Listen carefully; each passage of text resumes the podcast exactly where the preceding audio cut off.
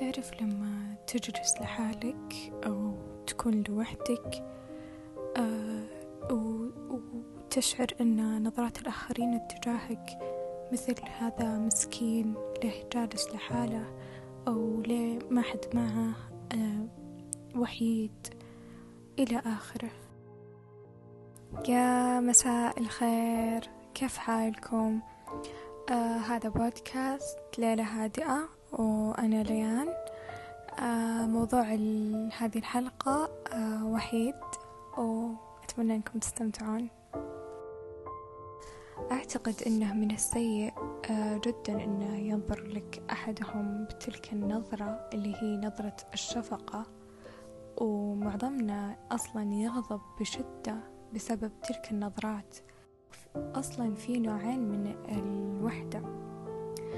في وحدة أنت بكل رضاك وبكل آه يعني أنت أنت تريد أنك تكون لوحدك وأنت راضي أنك تكون لوحدك وأنت حاب أنك تجلس لحالك. لكن في وحدة أنت أنت مو ما تكون راضي لكن تحاول أنك تكون اجتماعي قد ما تقدر لكن المجتمع حولك ما يعني ما يأهلك أنك تكون اجتماعي كيف أشرح لكم؟ مثلا الناس اللي حوالينك مو نفس جوك مو نفس اهتماماتك. مثلا أنت تحب خلنا نعطيكم مثال الكيبوب مثلا. أنت تحب كيبوب. الشخص المقابل اللي أنت راح تتعرف عليه أبدا يعني ما يحب ال ال الأشياء اللي أنت تحبها أو اهتماماتك.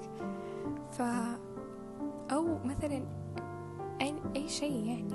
تحب مغنية تحب تايلر سويفت مثلا؟ ما أدري أعطيتكم أسهل أمثلة.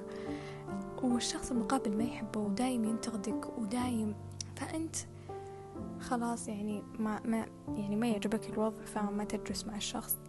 أو إنه أنت عندك رهاب اجتماعي أو إنك تخاف إنك تتعرف تخاف يعني تخاف من تفكير الناس اتجاهك تخاف هذا وش بيقول عني؟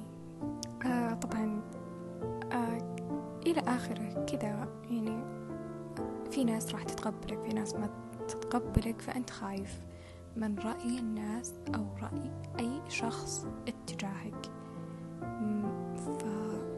سواء على شكلك سواء على أسلوبك سواء على معلوماتك على ثقافتك. على أي شيء أنت خايف من ردة فعل الآخرين. فأنت بس ابدأ وكل شيء راح يكون سهل. ابدأ وربي. ابدأ تعرف حاول. ما عليه. حتى لو كان الموضوع صعب حاول تتعرف على أشخاص. يمكن أنا شوي طلعت عن النص حق الحلقة. لكن ما عليه شوي يعني هدت معي.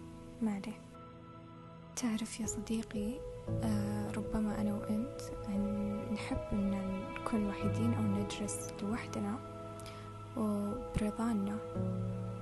ويكون هناك صوت بداخلنا آه يتساءل آه ليه ما حد يسأل عني آه ليه هل أنا لهالدرجة غير مرئي عشان الناس ما تسأل عني أو ما يسألون عني أو فأنت تحس بالوحدة؟ فحتى وأنت جالس برضاك راح يجيك شعور الوحدة.